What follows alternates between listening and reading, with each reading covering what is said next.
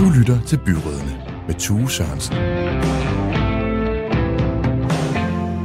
Velkommen indenfor i varmen her på programmet, som vi har valgt at kalde Byråderne, hedder det på Radio 4. Et program, der handler om kommunalpolitik, om det nære demokrati i Danmark, om de beslutninger og prioriteringer, som bliver taget på landets rådhuse, om det samarbejde, men også de magtkampe, der udspiller sig mellem partier og politikere i byrådene og i kommunalvalgkampen. Jeg hedder Tue Sørensen og er din vært på programmet. Denne gang skal det handle om kommunalvalget, der afholdes om er præcis et år minus to dage i optagende stund. Og så skal vi snakke om, måske endda diskutere lidt, hvordan kommunerne arbejder med at gøre os borgers mobilitet grønnere, og hvilken rolle kollektiv trafik spiller i den forbindelse. Med de ord endnu en gang velkommen til byråderne. Der skal også lyde et stort velkommen til panelet i dette program, som består af Marcel Meyer, borgmester for Samsø Kommune og Socialdemokrat. Godt at have dig med, Marcel. Ja, god formiddag. Så er du også med, Morten Jung, markedschef i Dansk Erhverv, interesseorganisationen. Men du er tidligere viceborgmester i øh, Frederiksberg Kommune, hvor øh, du også var byrådsmedlem. Først for de radikale, siden så stillede du op for de konservative, men du er altså nu ikke længere i politik, dog stadig medlem af de konservative. Er det ikke rigtigt? Ja, det er helt korrekt. Og så har vi også øh, dig med, Søren Sten Andersen, borgmester i Assens Kommune. Og så er du selvfølgelig også venstremand. Det er også vigtigt lige at få med. Velkommen tilbage til programmet, Søren. Du har været med tidligere. Godt at have dig med igen. Tak, og det er godt at være med. Tak for det. Det er godt. Jeg håber, at uh, I er friske, I har fået en uh, god nat søvn og har fået en uh, god morgen og noget formiddagskaffe og er klar til at diskutere lidt kommunalpolitik. Kan jeg få et ja fra jer alle sammen til det, eller hvad? Ja da. Ja, vi er klar der. Ja. Nå, det lyder godt, så lad os kaste os ud i det. Der er altså nu mindre end et år til, at øh, du, hvis du kan stemme selvfølgelig, skal en tur hen på den lokale skole eller rådhus og sætte dit kryds ved kommunalvalget. Tirsdag den 16. november 2021, der afholdes valget, og vi skal altså vælge dem, der skal tage vare på vores allesammens nære demokrati. Og i anledning af, at det altså er øh, ja, cirka et år, så et år til, at vi øh, skal tænde og stemme, og der er også sådan så småt er begyndt at blive taget hul på valgkampen rundt omkring i øh, landet ja, så skal vi altså se lidt frem mod øh, valget i øh, den her udsendelse. Hvilke temaer kommer til at fylde ved valget på tværs af kommunerne? Hvad med det der sådan, corona? Kan det få indflydelse? Og hvordan gør kommunalpolitikerne en sig egentlig klar til valgkamp? Søren, jeg kunne egentlig godt tænke mig at starte ved dig. Har du sådan slået knappen med valgkampstilstand til? Øh, nej, det kan man ikke sige. Jeg savner ikke valgkampen på den måde, at den skal starte nu, men jeg savner selvfølgelig valgkampe med alle det mavekilder og spændende ting og sager og uforudsigelighed, som er i sådan nogen, når de rigtig spænder af. Men man må sige, når man er borgmester og også, øh, kan man sige, lederen et flertal i en kommune, der er i gang med noget, så er man jo i gang hele tiden, og der, skal man jo, der arbejder man jo med de ting, som er de resultater, man skal kunne vise frem for borgerne, når de skal forholde sig til, om man skal en, en gang til næste gang. Og hvad man jo selvfølgelig også har af planer, det er klart. Så du har øh, for travlt lige nu til at gå i valgkamp. Det er også lidt det, jeg hørte dig sige. Hvad med dig, Marcel? Er du, øh, er du sådan gået i øh, valgkampsmode? Nej, jeg tror, på Samsø, der, der starter valgkampen rimelig sent. Jeg tror egentlig ikke, vi for alvor kommer i gang før efter efterårsferien til næste år. Men uh, selvfølgelig er man begyndt sådan at tænke over, jamen, hvad skal valgkampen handle om? Øh, hvem skal vi stille op med kandidater? Kan vi, øh, kan vi lave nogle gimmicks, øh, som øh, ikke er set før på øen? Øh, som, så på den måde, så kommer man jo i gang, og så bliver man jo også øh, ligesom præget af partikontoret, øh, også, hvor man får at vide, at nu skal I begynde at tænke i de baner, og vi laver nogle, nogle forberedende kurser for jer. Øh, så, så på den måde, så, så kommer man også til, til i gang med at tænke på valgkamp. Det gør man. Morten, du stiller jo ikke op den her gang. Er du glad for det, eller øh, er der sådan en øh, gammel kommunalpolitisk travhest, der også trækker lidt? Ja, der er jo altid duften af savsmuld, ingen tvivl om det. Og hvis øh, man var på Facebook for et par dage siden, så kunne man jo se, at øh, der er rigtig mange lokalpolitikerne der er i hvert fald opmærksom på, at der er et år til, at vi skal ned og sætte kryds i stemmeboksen, fordi i, i ens indbakke, det, det flød jo over simpelthen med tilkendegivelse om, at, øh, at nu var man jo klar, og der var et år øh, tilbage. Og så dagen efter, så kom alle dem, der havde glemt, der var et år tilbage, de kom så lige sådan et efterhit og sagde, hey, øh, nu er der næsten et år tilbage, hvad hedder det? Så det bliver spændende at se, om det sådan set øh, fortsætter sådan frem til, at vi skal sætte vores kryds, hvad hedder det. Øhm, så, så, men øh, nej, hvad hedder det, øh, jeg har det, jeg har det lidt ligesom jeg hører af Søren øh, og, og mig selv sige, hvad hedder det, øh, det gør ikke noget, at det bliver komprimeret øh, lige op til, til selve valget. Vi, ja, vi skal passe på, at borgerne ikke bliver træt af det for tidligt i hvert fald. Jeg vil også sige, at det er meget forskelligt, tror jeg, i forhold til hvilket partitilhørsforhold man har. Fordi du har jo nogen, der har været repræsenteret i byrådet hele tiden, og så har du nogle gange nogle nye partier, der gerne vil have flere rundt omkring.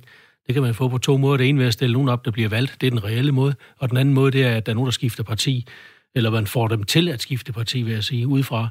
Øh, og så prøver man nogle gange at fortælle dem, hvilken valgkamp de skal køre. Det er der altså meget forskel på, om man bor i Tønder, i Aarhus eller på Falster. Øh, og det er ikke altid centrale partikontor slipper så heldigt af med det, eller omkring med det, fordi der er nogle nationale ting, som vi som kommunalpolitikere overhovedet ikke øh, har som et tema, eller kan gøre noget ved. Men det er deres chance. Og så er der nogle andre partier, der har været der mange gange, og altid nærmest, og som har nogle lokale temaer, som godt ved, hvad der er på vandrørene. Men Marcel, øh, må jeg, må jeg lige øh, må jeg spørge dig, handler det også lidt om, om man har sådan styr på baglandet? Er man et parti, hvor der er styr på, hvem der skal være spidskandidater, hvem der ellers kommer til at stille op, så har man måske heller ikke behov for at gå i gang endnu. Hvorimod, hvis der er partier, hvor der måske skal findes en ny spidskandidat, og er nogle interne kampe omkring øh, pladserne, at, at det er så mere der, man er begyndt at, at allerede gå i valgkamp nu her et år før? Jamen, jeg tror generelt, at øh, man i mange kommuner rundt omkring er begyndt at tænke på, hvem der skal være spidskandidater. Det kan vi også øh, læse i, i aviserne. Ja. Øh, og så hvis der er konfrontationer der, så er det selvfølgelig også interessant for medierne, og så kommer det frem, at man lige præcis der er egentlig er begyndt den, øh, den interne øh, valgkamp. Øh, den, øh, det, altså man ligesom har i USA også, der er jo kæmpe stor opmærksomhed på, hvem der stiller op for de forskellige øh, partier øh, i, øh, i præsidentsvalgkampen. Øhm, og det er, der er vi ikke øh, på Samsø, men øh, dengang vi var der, øh, så, så, så startede vi heller ikke så tidligt. Jeg tror, der, ligesom Søren siger, der, der, der er rigtig stor forskel på, hvilken kommune øh, man kommer fra. Øh, der er rigtig mange store kommuner, hvor det selvfølgelig gælder rigtig meget om, at når man er kandidat, så skal man være klar over det på et øh, tidligt tidspunkt, så man kan starte med øh, at gøre sit navn kendt, øh, skrive læserbrev, øh, gå ud på gaden og snakke med folk. Hvorimod, altså på Samsø, der, der, der ved folk jo godt, hvem vi er i forvejen, så, så vi behøver ikke på den måde at gøre os kendt. Øh, og det med, hvad vi så står for, hvad vi gerne vil øh, profilere os på i valgkampen, det kan, det kan godt vente til senere. Du kan, også, øh, du kan også tage de store studiebyer. Hvis du har nogle mindre partier, som har god klangbund på et universitetsmiljø, så kan en siddende gammel rådmand, skråstrej kvinde, faktisk godt komme ret tæt på at komme i fare i forhold til, hvis du har en dygtig kandidat, der er rigtig god ude på, øh, ude på øh, universiteterne og, og studiemiljøerne, mm. så kan du faktisk godt få slæbt en tusind stemmer sammen eller mere, der kan gøre, at den radikale eller SF-rådmand kan komme i fare. Det har man faktisk set nogle steder. Så det, det er jo den der spænding, der kan ligge i de store byer på den måde i hvert fald. Morten, du markerer? Ja, det er sådan set, øh, man ser det også meget med ungdomspartierne, at hvis man ligesom har, har en god forankring ned i ungdomspartierne, så, så lige pludselig kommer der en ny kandidat op, som så øh, kan fortrænge nogle af dem, som måske øh, troede sig sikre i, i stolen eller ja. på taburetten. Og det er jo der, hvor der er en eller anden, der på et tidspunkt sagde, jamen øh, kommunalvalget, det bliver jo sådan set ikke afgjort nede i stemmeboksen. Det er jo alt, hvad der sker mellem de to valg, der sådan set er determinerende for, om man skal fortsætte, eller om man skal, man skal ud af vagten. Marcel og Søren, jeg vil gerne lige spørge, er der styr på jeres bagland? Er I sikre på, at I skal være spidskandidater i jeres respektive partier, i jeres respektive kommuner? Det har min partiorganisation og vores medlemmer der i hvert fald sagt den 31. august, at det vil de gerne have. Så, så det er, den er klappet af i Assens. Ja, hvad med på Samsø? Altså, jeg er ikke valgt som, uh, som spidskandidat, og vi, altså, i, i mit parti på øen, der har vi en tradition for, at det venter vi til, uh, til valgåret. Uh, og selvfølgelig skal jeg have den respekt for partiet, men uh, nu kommer jo spørgsmålene fra partikontoret. Uh, jamen, hvem er, hvem er spidskandidat på Samsø? Hvorfor har I ikke fundet nogen endnu? Uh, og du har været borgmester i to omgange. Hvorfor er det ikke dig? Og så har styrelsen sagt, at indtil videre, så, så skriver du bare, at du er spidskandidat. Men jeg har ikke valgt det nu, og den respekt skal man selvfølgelig have Men på parti, det, for partiforeningen. Nu er det altså også kun lige for nylig, at man har peget på en her i København. Hvad hedder det så? Så må det ikke hvad hedder det så? Det, så? Der, der er tid nu, det, selvfølgelig er der det. Det havde vist andre årsager. du er naturligvis også velkommen til at blande dig i snakken herinde i øh, studiet, hvis du sidder og lytter med. Er der emner, som du mener er vigtige at få taget op i øh, kommunalvalgkampen, eller er du nysgerrig på, hvordan byrådspolitikerne de forbereder sig til et øh, kommunalvalg, ja, så skriv ind til os. Send os en sms på 1424 1424. Husk at starte din besked med R4, og så laver du et mellemrum, hvor efter du skriver beskeden. Søren, jeg kunne godt tænke mig at vide, øhm, hvad betyder det, at man er den siddende borgmester, når nu man går ind i et valgår, og der er en valgkamp forude, og ja, det er at være et valg. Betyder det noget at være borgmester? Ja, det betyder noget, fordi så kender folk jo en. Altså, og så skal man så lige finde ud af, om de kender en for noget godt eller noget skidt jo. Det, det er, jo så det, det næste, og det er jo det, de der resultater skal vise, hvad man har arbejdet med. I øvrigt også, hvad man er god til at fortælle, man også skal. Og en byrådsperiode på fire år, i, eller tre et halvt, kan man sige, man jo sådan reelt bliver målt på i forhold til, hvornår valgkampen indtræder, så er der jo altid noget at kigge på, og der er også noget, der er selvforskyldte, kan man sige, udfordringer i en kommune, men der er også noget, der er nogle rammer udenfra, der styrer, og der må vi sige, udligningssituationen, som jeg var i studiet og snakke om her sidste gang, som vi ikke skal snakke om i dag, den har bare fyldt ufattelig meget, og den har lammet en række kommuner økonomisk, inklusive min. Og det er først nu, fra 21, vi faktisk har midlerne til at lave den udvikling, vi gerne vil lave. Og det går vi så i gang med, og det fortjener folk også at høre, hvad vi så vil med de nye midler, vi har. Og er det nok at kunne fortælle, hvad man vil, eller skal man have, øh, så at sige, stukket spaden i jorden og øh, være i gang med at lave en øh, bygning for et eller andet, så folk ligesom kan se et eller andet visuelt for, at der er blevet sket noget, at du har skabt nogle resultater? De skal se, at de har en borgmester, der lever for deres kommune, og som er deres kommune. Og det er man, når man er borgmester med hud og hår. Øh, du kan ikke være borgmester på distancen eller på halvtid. Du er der med hud og hår, og du er ejet af 41.000 borgere i mit tilfælde. Og det er et, øh, en præmis, som jeg har accepteret, som jeg går ind i, og som min familie bakker op om. Og så skal folk jo kunne forstå, hvad man mener om tingene, og at man kæmper nogle kampe, hvad kan man sige, på udbanen i forhold til forskellige siddende regeringer, men også selvfølgelig internt i forhold til at få nogle gode beslutninger igennem på noget, som vi selv er herover. Øh, det er, jo det, det er jo også noget af det, du bliver målt på. Og så om du jo gider din befolkning, altså du om, har lyst til at vise dig med befolkningen, og det er jo ikke bare for at gå til de der buffeter, som er lukket ned lige for tiden på grund af coronaen, men for at øh, vise interesse for det, der er. Og der er ikke noget, der er for småt, skal jeg helt så sige. Og det er positivt ment. Morten, er, er det en fordel, eller er det en ulempe at være den siddende borgmester, når man går ind i et valgår? Jamen, det, der er ikke nogen tvivl om, at det, øh, det afhænger, som Søren siger, lidt af, om man, om man har den gode historie med sig, eller ej. Hvad hedder det? Der er jo eksempler på borgmester, som ikke nødvendigvis har, har den gode øh, historie med bagagen. Men Søren er inde på noget helt andet, som er helt centralt. Det er netop det her med, i hvilket omfang man er ude og, og være i berøring med, med de borgere, man nu, man nu engang har i, i kommunen. Øh, Øh, og der bliver det på det par partipolitiske tilhørsforhold. Øh, det vil jeg næsten sige bliver sekundært i forhold til, øh, til de mange borgere i kommunen. Fordi hvis man er der og viser interesse, så er kommunen jo også i høj grad et spørgsmål om, at man har en fornuftig drift, og man har nogle gode tilbud, som man kan gå til.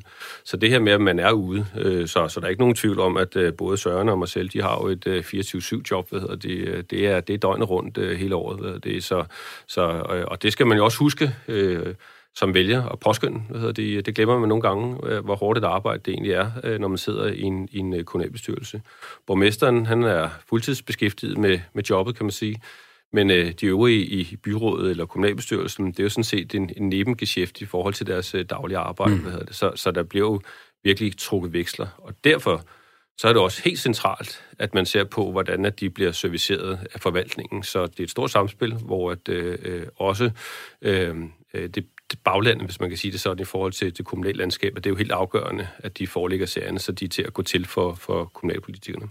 Marcel, kan du prøve at sætte nogle ord på, hvordan du har tænkt dig at bruge den her platform, som du jo har, i og med, at du er den nuværende borgmester for Samsø Kommune, at folk de øh, kender dig, de ved, hvem du er, de kender dit navn, og så ved jeg godt, så kan der måske være nogle gode resultater, du kan fremvise. Der kan måske være nogle ting, du ikke helt har nået, som du gerne vil have nået. Men den her platform, du har arbejdet ud fra som den siddende borgmester, prøv, prøv lige at sætte nogle ord på, hvordan du har tænkt dig at bruge den i en valgkamp. Jamen altså, jeg, jeg tænker simpelthen ikke, at jeg sådan specifik øh, har nogen strategi for, hvordan, hvordan jeg vil bruge det. Altså, men det kommer sådan rimelig automatisk og, og helt naturligt, fordi som borgmester har man jo en, en unik platform for at profilere sig, for at komme med nogle bud, budskaber, for at vise omsorg og for at præge nogle, øh, nogle resultater. Øh, og, og hvis man er god til det, så, så kommer man jo i, i medierne, og, og man bliver... Øh, Øh, altså, man får en masse af opmærksomhed omkring det, og det er en kæmpe fordel. Og de, langt de fleste borgmestre, det er jo, det er jo rare mennesker, øh, som er gode til at snakke med folk, øh, og uanset på, hvilken ja. partifarver de, øh, de har. Øh, så så det, selvfølgelig bruger man det, og det, det kan man jo også se i valg, valgresultaterne rundt omkring. Noget, øh, et af de ord, som bliver brugt mest på valgaften øh, til kommunalvalg, det er jo borgmestereffekten, øh, og den ser man jo... Øh, rigtig mange steder. Men nu her i, i coronatiden, øh, så er det jo faktisk lidt sværere at gøre det, fordi vi, vi kan ikke holde øh, store møder, og vi kan ikke komme så meget rundt, som vi plejer, og vi kan ikke komme af med de budskaber, ligesom, ligesom vi, vi gør os øh, ellers. Man kan gøre det i medierne, man kan gøre det på skrift, men det er bare ikke det samme, fordi som Søren også lidt ind på, altså øh, dem, publikum kommer jo ikke til at mærke, at man mener det, øh, og, og, og hvilken, hvilken bevæggrunde der er bag ved de ting, man gør på samme måde. Så, så jeg synes, det er, det er lidt en hamsko med, i den her coronatid, det er helt sikkert. Og det uh, tror jeg, vi kommer til at snakke lidt mere om, for spørgsmålet er jo så, hvilke temaer, der kommer til at fylde under kommunalvalget. Det har vi uh, spurgt kommunalforsker og uh, forskningslektor på Danmarks Medie- og Journalisthøjskole, Rukker Buk, om. Prøv lige at høre her. Altså det bedste bud øh, ved et valg, det var altid at, at kigge på, øh, hvad det plejer at være. Øh, og sådan er det også i kommunalpolitikken at det er de brede emner, de store kommunale opgaveområder, øh, ældreområdet som en topscorer ved de seneste valg, øh, skolerne, daginstitutionerne, sådan helt op i toppen. Øh, klima var også allerede i 17 godt med ude i kommunerne, og så har vi jo haft et folketingsvalg i mellemtiden, som mange jo har døbt klimavalget, som, som også er en mulighed. Men det er klart, at der er en enorm usikkerhed i forhold til det her, som handler om corona, ikke så meget corona i sig selv, men de økonomiske effekter, som øh, coronakrisen kan få for dansk økonomi. Hvis, øh, hvis det fortsætter eller bliver forværret, når hjælpepakkerne stopper, øh, så kan vi jo meget let stå i en økonomisk krise øh, i øh, forbindelse med valget i 2021, og så kommer det til at overskygge alt andet. Søren, ældreområdet, skoler, daginstitutioner og klima, står det også øverst på øh, din liste over ting, som øh, du forbereder skulle snakke om op til valget? Ja, det er min analyse, det er den samme. og det er fordi, ældre i sig selv er jo en øh, voksende gruppe af mennesker, og det, der har ramt stort set alle 98 danske kommuner, det er jo mængdeforudsætningen på ældreområdet. Det vil sige, at man har et givet serviceniveau, man har vedtaget politisk, og som vores forvaltning og ansatte rundt omkring i ledene følger op på. Så sker der det, der kommer bare flere, end man regnede med, og der kommer flere og flere og flere, og der kommer endnu endnu flere. Så siger ministeren for det givende område, at øh, vi har sendt velfærdspenge ud i kommuneaftalen og i finansloven. Nu skal I bare komme i gang med at udmynde. Øh, så sker det nogle gange det, at nogle andre tekniske årsager, vi bliver trukket på nogle andre konti, og så er nogle af de penge væk, og så får vi skæld uden. Og det er det, det, er det limbo, vi har været lidt i. Men ældre, ja, og klima især. Og der, der er rigtig mange kommuner, der har mange forskellige forudsætninger. Fordi for eksempel sådan som Frederiksberg har jo dygtigt markedsført sig for eksempel på det her med, med elbilskommunen. Når du så har en kommune på vores størrelse, der er rigtig mange gange større i areal og meget tyndere befolket, så har vi en anden grundforudsætning. Men så kan vi noget andet måske med med skovrejsning, der binder tusindvis af tons øh, kulstof om året, mm. så vi ikke udleder så meget CO2, alle de der ting. Det kommer til at fylde noget og, med god ret. Og så bosætninger, det er så fordi, at øh, landdistrikterne øh, kommer jo altså noget senere med i forhold til stigning i ejendomspriser og, øh, og omsætning på boligmarkedet. Der er altså nogle steder, der først er kommet med nu, efter krisen i 2008. En lille smule tankevækkende, og det bør det være for en hver minister og regering hvordan det kan være, fordi det giver altså en asymmetri i samfundet. Så vi har en ophobning nu af en masse mennesker, de kan lige pludselig komme af med deres hus, og der skal der bygges noget ældrebyggeri til dem, og der skal være nogle nye byggegrunde til en masse andre mennesker, der kommer til. Og der står vi nu, og det havde vi jo ikke midler til for to år siden, men det har vi nu, men det tager lidt tid, inden de kan blive sat i jorden, de her pæle på byggegrundene. Så det er noget, der optager folk ude hos os øh, i de forskellige samfund. Og så er der selvfølgelig altid skolerne. Der skal så siges, at vi havde en veritabel skolekrig hos os øh, ved forrige valg, som øh, trak nogle dybe spor, øh, men som øh, der er ro på nu, og som jeg også håber vil være, fordi det var ikke godt. Øh, det var ikke godt miljø at debattere i dengang. Morten, øh, prioriterer man på forhånd som kandidat, hvad det er for nogle temaer, man øh, ja, skal sætte sig ind i, eller måske ligefrem forsøge at prøve at sætte en dagsorden på? Ja, typisk så kommer man jo med noget i bagagen, som man så har en indsigt i, så det er jo helt naturligt, ja. hvad hedder det, hvorimod man kan sige, hvis man har siddet i kommunalbestyrelsen i, i, øh, i den foregående periode, så har man sådan et, et godt indblik i de fleste områder. Øh, men, men det, jeg synes, der er lidt interessant, øh, det som, som, som Søren siger her, det er jo, at, at det er jo alt sammen øh, områder på øh, udgiftssiden, øh, altså et spørgsmål om ældrepleje, daginstitutioner, skoler osv. osv.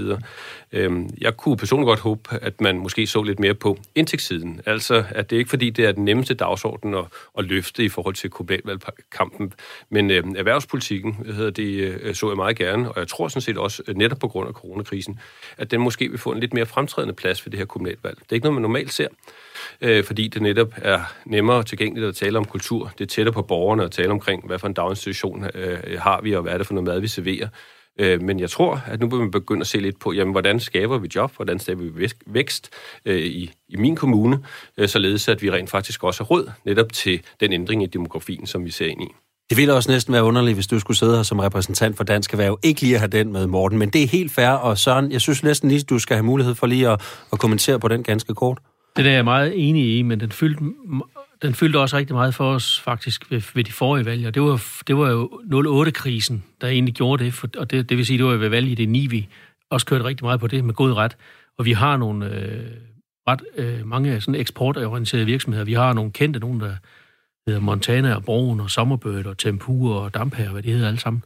Og øh, mange af dem har en pæn høj eksportandel og var også ramt af de konjunkturer, der er. Dem har vi jo hjulpet alt det, vi nu kan og må.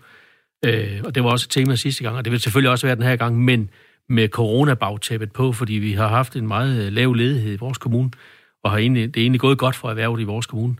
Men gør corona noget ved det nu, så er det også coronaen, der kan man sige, der er tæppet bag ved det her, denne her gang. For jeg er meget enig i, øh, i forhold til Mortens pointer, i forhold til, til erhvervslivet. Det er, det er sådan lidt en selvfølge hos os, tror jeg, at det er det, man lægger vægt på, og det er vi også kendt for at gøre i forvejen. Lad os også lige høre, hvad Roger Buk han tænker om øh, corona, som vi jo allerede har nævnt et par gange, og øh, dens indflydelse på øh, kommunalvalget.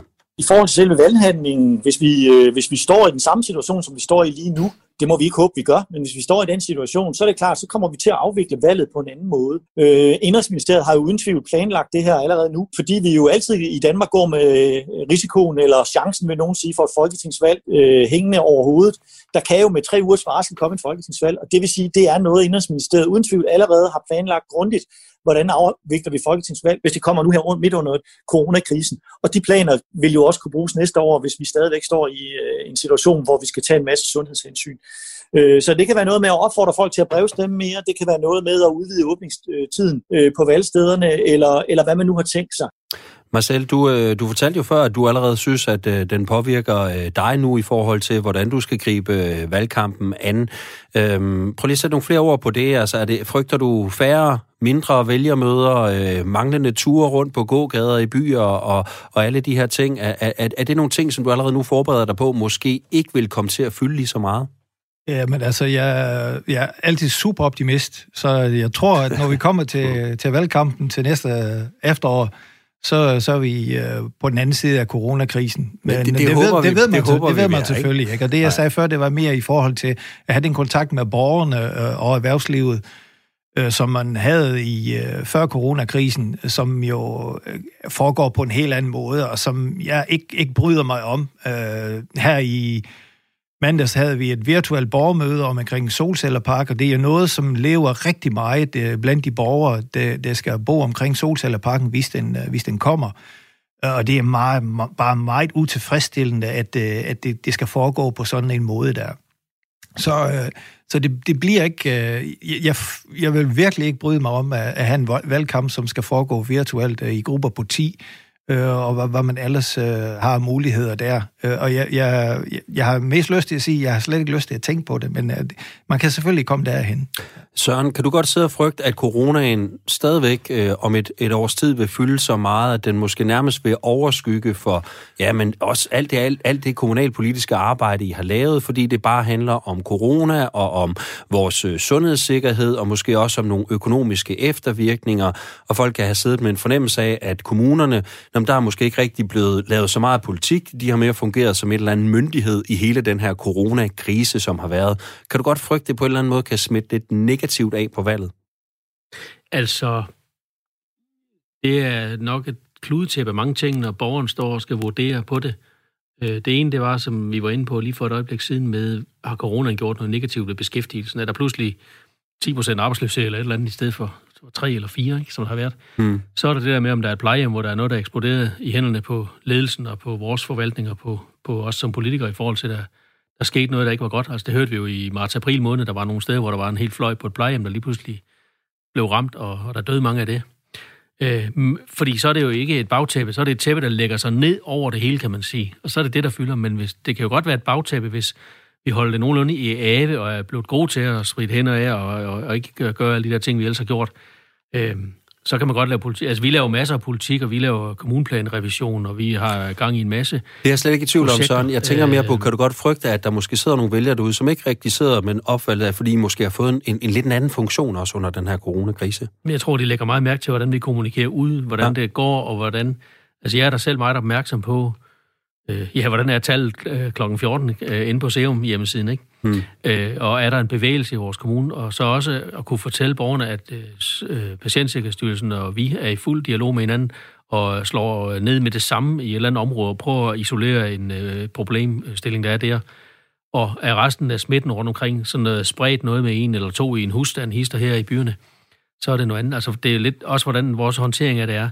Men jeg vil da gerne sige, at, at, at det var ikke altid behageligt det foråret, fordi der var nogle plejehjem, vi var nødt til at stoppe for noget. Altså, vi lavede nogle besøgsrestriktioner, og så var der to styrelser, der talte lidt imod hinanden, hvor det var svært for kommunerne at navigere i. Og så, så laver TV Fyn jo, der dækker 10 kommuner, så laver de jo en med, at kommune A, B og C, der må du godt gøre sådan, fordi... Og det siger de, det, det, det er den ene styrelse, der siger, det må vi godt. Så har vi nogle andre kommuner, der siger, det må vi ikke, fordi den anden styrelse siger det her, det skal vi øh, respektere, så vi kan ikke lave besøg. Og så, så kommer der en debat hen, om de ældre skal dø af ensomhed, eller de skal dø af corona. Og, og den er rigtig kedelig, og der, derfor er det super vigtigt, fordi vi refererer hele tiden til, hvad styrelserne siger. Vi opfinder jo ikke vores egen coronalov hos os, det kan vi ikke. Så går alt i stå. Øh, vi er nødt til at respektere nøjagtigt det, der kommer, men så skal der også være entydige budskaber, der kommer fra, øh, fra styrelserne. Og det er jo håndteringen ude i kommunerne af disse som folk måske vil øh, kunne lægge mærke til. Men, jeg, men det er lige, hvad hedder det, i forhold til noget, der bliver spændende at se, det er at se, hvad for en kreativitet, der bliver lagt ned over de møder med vælgerne, som jeg håber, der kommer. For mm. det er simpelthen vores, det er jo vores nærdemokrati. Det er her, hvor man kommer helt tæt på sine lokale politikere, hvad hedder det. Så øh, det bliver spændende at se, om man på samme vis, som man har set det inden for øh, musikbranchen, hvad hedder det, laver fælleskoncerter i biler, og jeg skal give og skal, hvad hedder det. Så øh, jeg tror, man vil se veje, hvis det er, at vi kan komme ud af coronaens klør. Jeg tror, jeg tror også, det er forskelligt i kommunerne, hvordan et vælgermøde er. Øh, I den kommune, ja, der, der vil nok være mere lokale vælgermøder med nogle lokale temaer, hvad der kan røre sig i Vestenbjerg eller i Hårby, eller hvad det hedder, de byer, vi har, øh, end et stort øh, vælgermøde for hele kommunen, fordi så kommer der tordenskoldsoldater og ikke så ret mange andre. Men det handler om, hvordan du kommunikerer på forskellige platformer og ude blandt borgerne, og så ude i de her byer. I hvert fald der, hvor jeg kommer fra. Jeg, jeg, jeg tror også, jeg ja, tror, Marcel, kort, jeg, kort. Ja, jeg tror også, at coronakrisen har ændret, øh, har ændret sig i forhold til, hvad det var i foråret, fordi Øh, altså, vi ser, at de smittetilfælde, som, som vi har kendskab til, de er ikke helt så alvorlige, som de var i foråret, men til gengæld er der mange flere af. Øh, og det betyder jo, at det kommer meget tættere på, og frygten kommer tættere på. Og jeg synes også, det præger kommunen på en anden måde, sådan at altså de ting, man skal gøre, øh, dem får man lavet. Men man går ikke på samme måde i udviklingsmode, når man ikke får snakket så meget sammen, som man plejer. Øh, og det er også øh, i forhold til, til den valgkamp, vi skal have, fordi jeg synes faktisk, det der med, hvilke emner, der kommer op i valgkampen, det er noget af det mest spændende, når man har et uh, politisk spektrum, som er egentlig domineret af partier, som adskiller sig på, på emner, som spiller på landsplan. Hvordan lægger man så kant til andre partier? Og hvis man snakker skoler øh, og ældrepleje, så er det svært at blive uenige. Så jeg tror, hvis man skal, vi skal, man skal finde nogle emner, så skal man lige præcis have noget af de emner, hvor man kan, som kommuner gå i udviklingsmode og kan udvikle sig. Og der snakker vi om sådan noget som, som infrastruktur, øh, og for os på, på Samsø kommer vi også til at snakke om, hvordan turismen udvikler sig, for eksempel. Men man, vi kommer ikke ud om, øh, udenom ældrepleje, øh, og vi har set nogle, nogle, nogle grælde eksempler på, hvor, hvor øh, i medierne om, hvordan nogle af de ældre bliver behandlet ude på plejehjem, og jeg, jeg tror faktisk, at, øh, at det var nogle tilfælde, som man kunne finde i, i, ældre, i alle kommuner, fordi vi står foran et kæmpe problem i ældresektoren, og det er, det er rekruttering, øh, og det kommer vi alle sammen til at arbejde med. Øh, og, og det er noget af det, som jeg godt kunne, øh, kunne tage op i, øh, i kommunalvalgkampen. Men ellers så, så synes jeg, at det, det mest spændende, det er, ikke, øh, ikke hvad man har gjort, men hvordan man tænker på, man udvikler lige præcis nogle af de emner i, øh, i fremtiden, når vi kommer til den kommunale valgkamp. Men i forhold til turisme, så vil jeg da gerne slå et øh, slag for Samsø. Det er en fantastisk ø, hvad hedder det. Faktisk var dansk være på besøg deroppe her forrige i år, før coronaen, hvad hedder det, og det var en, en stor oplevelse. Det er jo ikke... Øh, øh, ja, jeg stopper lige coronasnakken nu, og øh, det blev ikke helt det korte svar, som jeg bad om at sige, men det er okay. Nej, det er, okay. det er, det er derfor, man er borgmester. det er jo altså ikke øh, kun øh, corona, som har fyldt en del i det politiske landskab, og det gælder sådan set både på kommunalplan, men også rent landspolitisk. Det har sexisme og krænkende adfærd, og en ny bølge af MeToo jo også. Og kommer det så også til at fylde ved kommunalvalget? Det har vi også spurgt Rukkerbuk om. Og det tror jeg udgangspunktet ikke, det gør. Det er klart, det kan jo i enkelte kommuner, hvor der har været øh, stor opmærksomhed på det, øh, blive et stort tema. Øh, der er uden også nogen, der vil prøve at, at gøre det til et tema, men man er jo i fuld gang med i kommunerne og ude i de politiske partier at rydde op og sørge for at have nogle systemer, der kan håndtere de her ting. Så jeg tror sådan set ikke, at det kommer til generelt at spille en stor rolle. Men det er klart, at det kan ikke udelukkes, at der pludselig under valgkampen dukker noget op, øh, som sætter fokus på det i en enkelt kommune. Men omvendt, øh, så er der ingen tvivl om, at partierne i dag jo også kigger sig omkring og kigger på hinanden og siger, har vi nogle lige i lasten? Har vi nogle problemer? Har vi nogle politikere, som vi øh, ikke længere ønsker genopstillet og, og så videre? Så jeg tror, sandsynligheden for, at noget pludselig dukker op under valgkampen næste år, den er altså meget, meget lille. Morten, er partierne rundt om i landet i fuld gang med at undersøge, om der er kandidater, som måtte have nogle øh, MeToo lige i lasten, og så få dem af vejen inden valget? Det vil jeg da håbe. Øh, men jeg tror, øh, at han, øh, Roger Bukhav, en, en, en point i, at nu har vi jo ligesom set nogle meget prominente politikere øh, falde for, for MeToo-bevægelsen. Og øh, jeg tror lidt, at, at øh, det kan godt ske lokalt, at der øh, kan være noget, noget krimskrams, som ikke er så rart at få, få frem i lyset, hvad hedder det. Øh, men det er om at få det frem nu i hvert fald, øh, således at man kan, kan nå at bearbejde det øh, det næste øh, års tid, hvad hedder det. Så jeg vil da håbe, at man, man får kigget ind af og taget øh, dialogen om, hvordan kan vi sikre, at, øh, at vi ikke får øh, de her lidt kedelige, meget kedelige hændelser i, i vores eget lokale parti. Søren, gør I det? Kigger I ind af? Er det nogle overvejelser, du går med at sørge for at øh, få nogle ting frem på bordet nu, hvis der skulle være nogen? Ja, altså det er jo en drøftelse, vi har både i gruppeformandsregi ved de syv partiers gruppeformænd, vi har i Assens Kommune, og, øh, og også øh, ved andre lejligheder, og selvfølgelig også i partierne. Og der er det altid godt lige at minde folk om, fordi der er nemlig også mange, der, der er virkelig lidt over den anden side og sige, ja ja, men der skal også være plads til en villighed, der skal også være plads til sådan og sådan. Der kan man sige en ting, det er, det der, altså der, der er bare nogle mennesker, der er sådan, der bliver lagt i banken. Øh, der er noget, der er fint og godt i fredstid, og er der ikke fredstid mere, så kan det altså godt tages frem fra, fra bankbogen og blive brugt på en anden måde.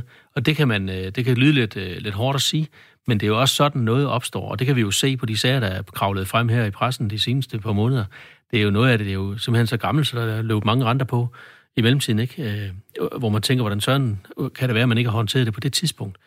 Øh, og noget af det kan også nærmest bruges som et aktiv, kan vi se. Men, men jeg vil sige, den skala er vi ikke oppe i, i, øh, i mange kommuner, tror jeg. Men hvis kommunerne har sådan en, en bandit eller to, der ikke kan finde ud af, hvordan man øh, holder fingrene for sig selv, så skal de jo bare have det at vide. Og det er jo en del af almindelig ledelse, og ledelse er jo ikke altid sjovt, og det er jo heller ikke sjovt at skulle sige sådan noget til, til en, der har, der har gjort sådan noget. Men øh, det er nu ikke noget, der fylder øh, synes jeg. Marcel, øh, hvad vil det betyde, hvis der dukker sådan en sag op? Nu ser jeg ikke, der dukker en op omkring dig, men det kunne jo godt være, der dukkede en om, op omkring en partifælle eller en god kollega på, på byrådet, som du har samarbejdet en masse med. Øh, vil det få en betydning i en valgkamp for dig også? Ja, det, det, det vil jeg tro, det gør. Øh, men jeg synes, øh, ja, jeg synes, jeg har svært ved at forestille mig, at, at det vil komme frem på den måde. Men jeg må også sige, at det, det kom bag på mig. Vi fik et brev fra og KL, om, om ikke vi vil tage det op i byrådet. Og hvis jeg sådan, jeg kender jo mit byråd rimelig godt, og så tænkte jeg, jamen, det, jeg, jeg ved godt, øh, der bliver, det bliver lavet nogle vitser en gang imellem med nogle seksuelle undertoner, men jeg synes ikke, det ene parti er værre end det andet, og jeg synes heller ikke, manden er værre end kvinderne øh, for den skyld. Så, så, men lad mig, lad mig da øh, tage den snak med økonomiudvalget, og det kom der fuldstændig bag på mig, øh, hvor alvorligt nogle af medlemmerne egentlig tager de der vitser. Mm.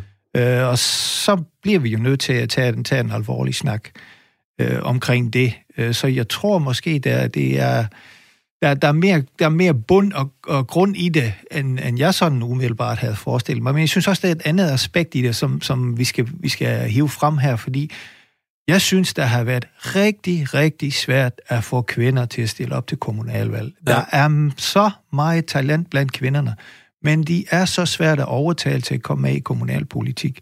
Og hvis vi så oven i købet får det stempel, at, øh, at hvis du går derind, øh, så bliver det gjort grin med dig, og du bliver befamlet, altså så, så gør det det ikke bedre. Så, øh, så derfor er jeg, så synes jeg, vi, vi skal være glade for, at der, der er så mange unge øh, kvinder med talent, som, som vil stille op og, og, og stå op for sig selv nu. Øh, Øh, og så håber jeg, at øh, det på, på lidt længere sigt måske kan føre til, at vi får flere kvinder i politik, for det, det, vil, det vil gavne os, og det vil højne kvaliteten, det tror jeg. Morten, tror du hele den her debat, der har været nu også omkring, øh, ja selvfølgelig MeToo og krænkende adfærd, men jo også en sådan en grundlæggende debat omkring ligestilling inden for både kommunalpolitik og politik i det hele taget. Kan det også gøre, at du tror, at der måske er nogle partier, der sidder og kigger lidt på nu, skal vi rokere lidt på kandidatlisterne? Skal vi se, om vi kan få nogle kvinder ind, hvis altså vi kan overtage nogen til at stille op? Eller skal vi måske rokere nogle af dem, vi har lidt højere op på listerne og få dem frem som spidskandidater?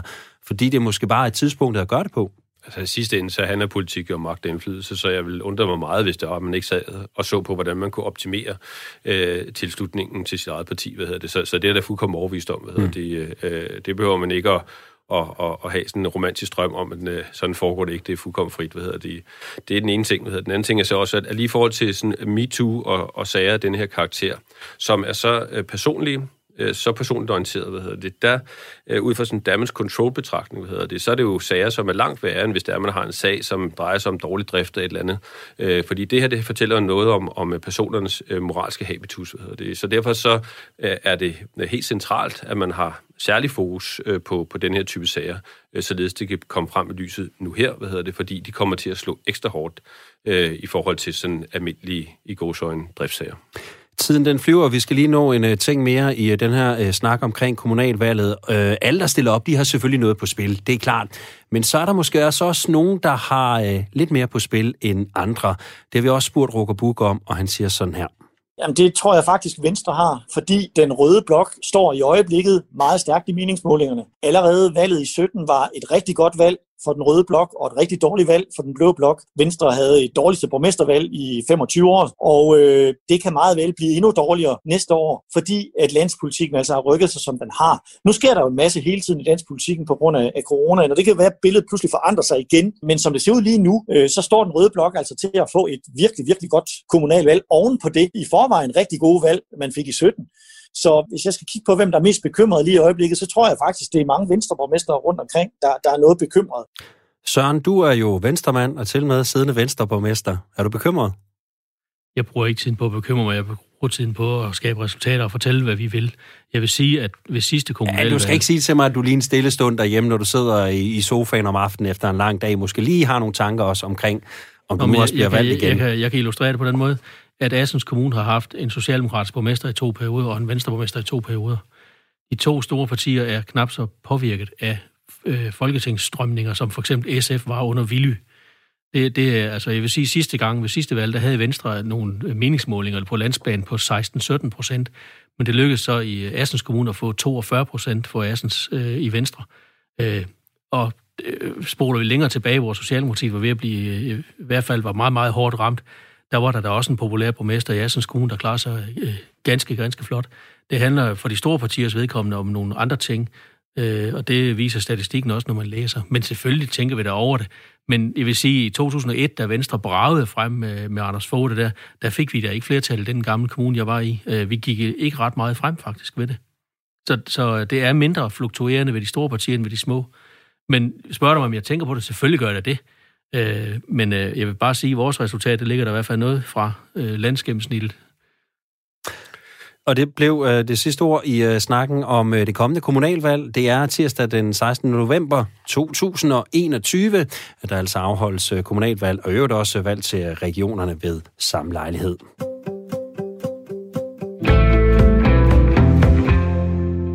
Du lytter til Byråderne på Radio 4, et program om kommunalpolitik. Mit navn er Tue Sørensen, og med i programmet er et panel bestående af Marcel Meier, borgmester i Samsø Kommune for Socialdemokratiet, Morten Jung, tidligere viceborgmester i Frederiksberg Kommune og nu markedschef i interesseorganisationen Dansk Erhverv, og så Søren Sten Andersen, venstremand og borgmester i Assens Kommune.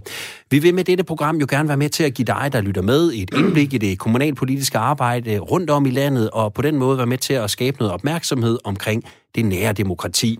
Vi går selvfølgelig både lidt kritisk til værks, når vi vender de udvalgte emner, men vi har også en fast runde, hvor øh, panelet får lov til at uddele lidt ros og nogle kommunalpolitiske skulderklap, som øh, måske kan være med til at inspirere lidt på tværs af kommunerne. Og det gør vi i det, vi kalder ugens prik, prik, prik. Søren, du får lov at lægge ud. Øh, du har prøvet det før. Hvor skal vi hen i din ugens prik, prik, prik? Og gør det lidt kort, hvis du kan, ikke? Sidst var vi ude i vandløbene i forhold til de her lystfiskere i hele Danmark, der ja. gør gydepladser og sådan noget, så der kan komme liv i vandløbene. Nu går jeg over i pengeverdenen, og så vil jeg give en stor ros til de kreditforeninger, sparkasser og banker, der værdiger et blik til de postnumre, der ikke alene består af tre nuller, ud i, at de belåner erhvervsvirksomheder. Øh, øh, i landdistrikterne. De klarer sig faktisk rigtig godt, og de spørger ikke efter så meget, men de spørger altså ikke efter at få et nej, bare fordi de bruger et forkert postnummer. Så dem, der kan se ud over det i de institutioner, jeg nævnte før, kæmpe skulderklap til dem. Vi regner med jer. Den er hermed sendt videre. Øh, Morten, er det noget, du kan mærke, at der også er virksomheder, som øh, har lidt lettere til lån også ude i landdistrikterne, eller hvad? Øh, det er ikke noget, der ligger øh, sådan lige øh, tæt på, hvad hedder det, men det vi kan se, det er jo heldigvis, at der øh, bliver aktiveret øh, rigtig mange midler fra vores pensionskasser til øh, både at, at bygge ældreboliger, men også sådan, og til at gå ind aktivt i øh, den grønne klimakamp. Og der har kommunerne helt overordnet set jo også en, en stor stemme i det, at øh, en, en rigtig stor øh, mængde indkøb, milliarder af kroner, bliver brugt i, i, af kommunerne. Øh, så der kan man jo også sætte en, en grøn retning. Morten, hvad har du taget med til bords i ugens prik, prik, prik? Jamen, jeg har taget et øh, godt eksempel på et velfungerende offentlig-privat øh, samarbejde på ældreområdet, øh, og det er, jeg beklager, men øh, det er fra øh, min egen kommune, Frederiksberg. Øh, man udbød for et par år øh, siden driften af et lokalt øh, plejehjem, øh, og det blev så overtaget af OK-fonden, og øh, efterfølgende så lavede man tilfredshedsmåling, øh, og den viste, at øh, beboerne var blevet gladere, Øh, medarbejderne var sådan set også blevet gladere, efter at det var overgået til, til, den, til den private drift. Tilsynet gav samme høje karakter, som man altid har gjort. Øh, og så derudover, øh, så lykkedes det faktisk også kommunen at spare øh, 3 millioner på driften om året. Og det er jo 3 millioner, man kan bruge øh, til gode formål andet sted. Der er sikkert nogen øh, i panelet her, der vil sige, jamen det er da fint, så var der en skattelettelse. Og der var andre, der vil sige, jamen så kan jeg bruge 3 millioner kroner på at øge serviceniveauet på et givet område. Det er sådan set ligegyldigt. Øh, det vigtige er jo lidt at samle den samlede pakke, fordi man valgte at indgå det her samarbejde med en privat leverandør. Den blev til glæde for både borgere, kommunen, hvad hedder det, og så også medarbejderne. Marcel, du har jo øh, også været inde omkring den her øh, udfordring, der ligger i forhold til øh, flere ældre, og at øh, de, de fylder meget i øh, budgettet.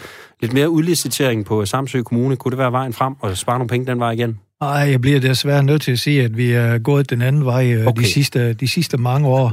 Fordi at jeg har simpelthen vist sig, at, øh, at vi kan gøre det meget billigere end det private erhvervsliv, og som regel også med en bedre service. Øh.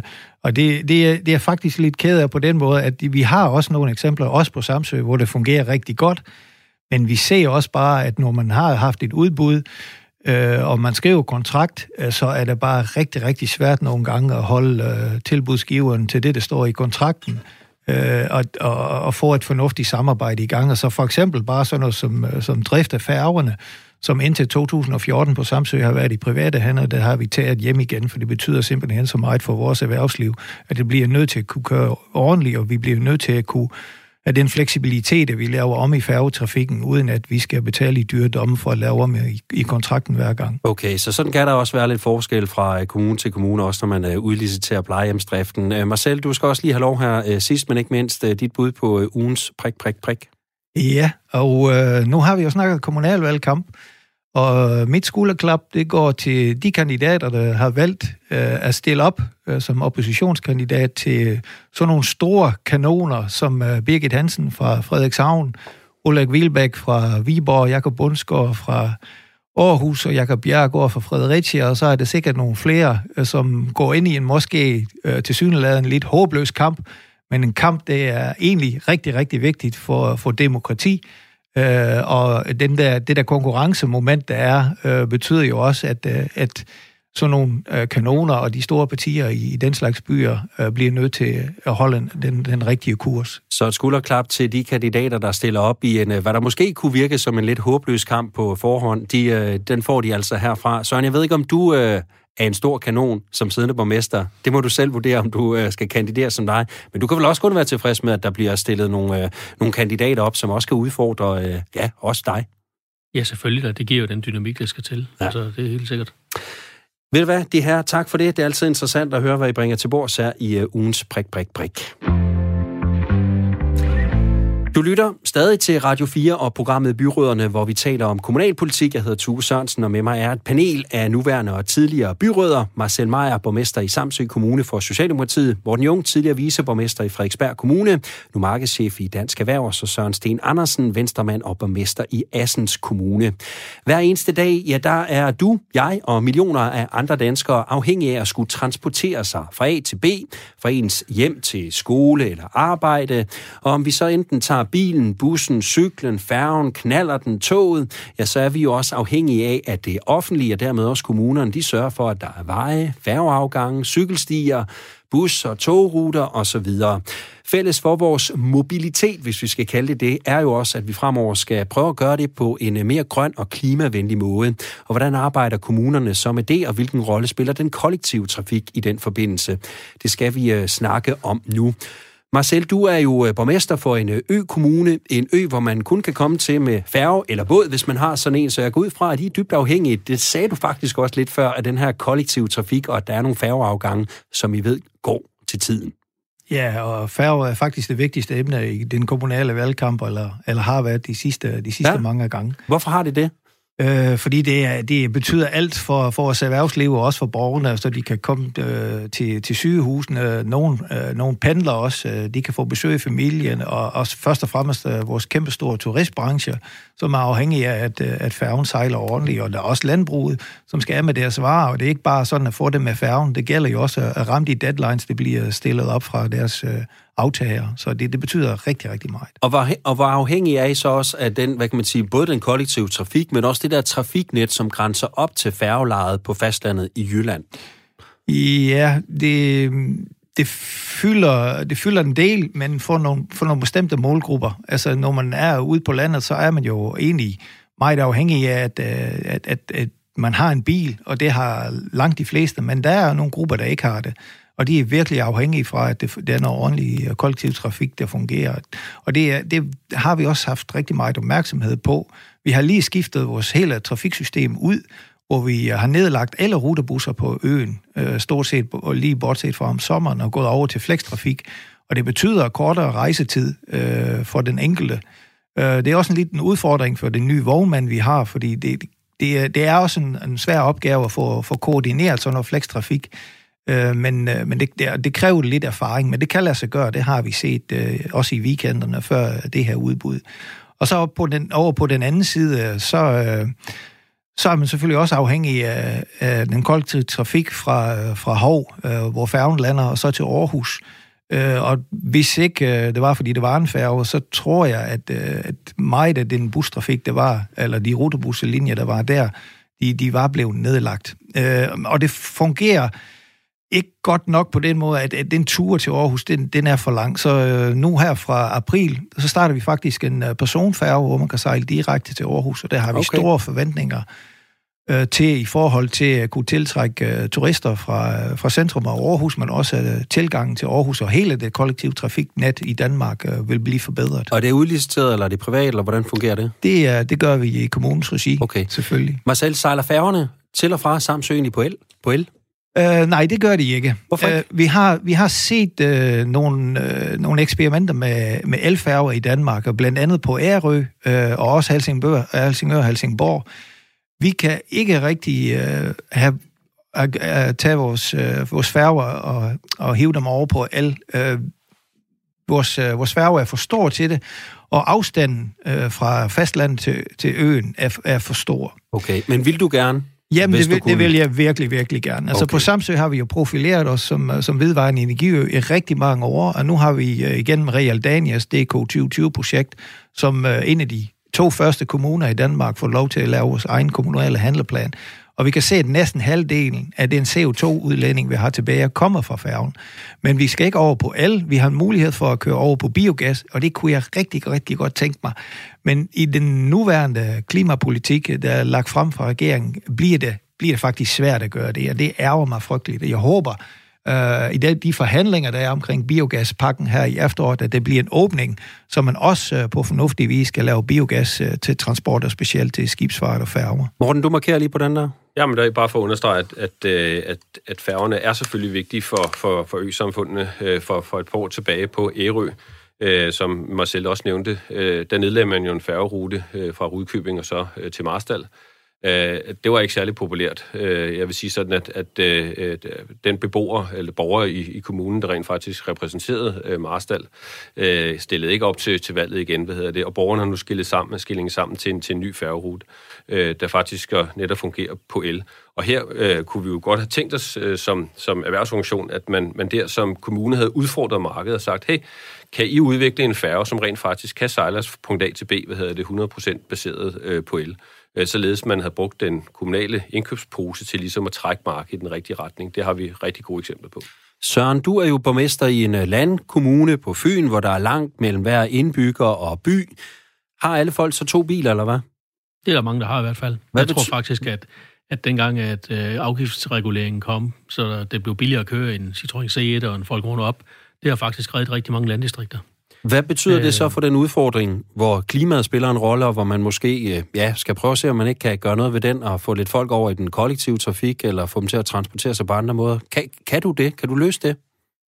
Det er svært at gøre alene, fordi vi har et regionalt busselskab, der hedder Fynbus, som har lidt meget under, at der blev bygget så meget om inden ved letbanen i Odense, at bussen tabte kunder, mm. og så taber selskabet penge for underskud, og så går det ud over ruterne i landdistrikterne. Det var faktisk en rigtig kedelig udvikling.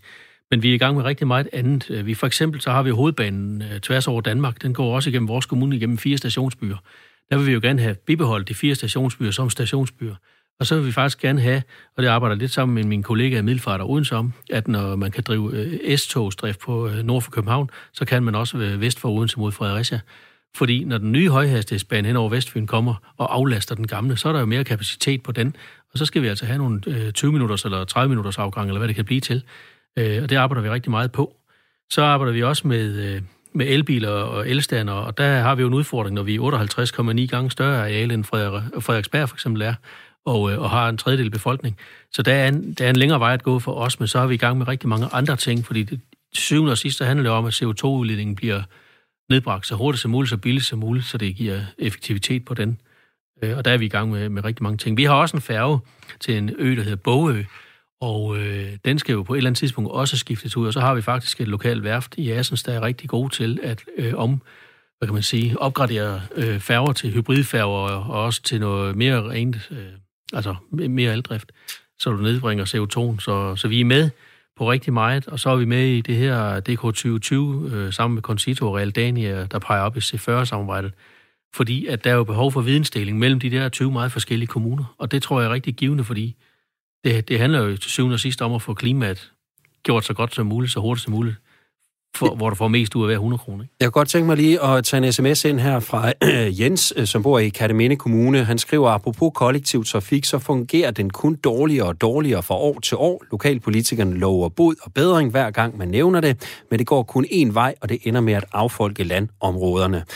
Det var en kras kritik. Øh, kan du genkende den, Søren? Ja, det kan jeg. Altså, fordi så skal vi jo sige, så, så sparer vi nogle penge på nogle andre områder, øh, og så siger så køber vi nogle busruter mere, øh, og der skal bare øh, der skal meget til. Øh, så det er en kæmpe svær opgave, den her, fordi du lige så stille vinder folk af med også at bruge det, fordi de tager det jo som, udgive, som udgangspunkt, at, at det er ikke noget, der er der. Øh, og så skifter man jo lige så stille en befolkning ud til at vende sig til noget andet. Øh, så det, det koster noget den anden vej også. Det gør det også, når du åbner nogle flere togafgange. Nu havde vi det her med, med, med, med togstoppet i IC3 over i Langeskov, for eksempel på, i den kommune i øvrigt. Øh, der skulle folk selvfølgelig også lige vente sig til. Så skal man jo ikke stå to måneder senere og sige, nej, der er ikke nogen, der bruger det, for det er et langt tråd øh, at, at, komme i gang med det. Øh, men, men det skal der være. Jeg, jeg, jeg bemærker mig, at store bilproducerende nationer, hvor der er 0% afgifter på biler, Sverige og Tyskland, der har de en noget mere velfungerende offentlig transport, end vi har, også i landdistrikterne.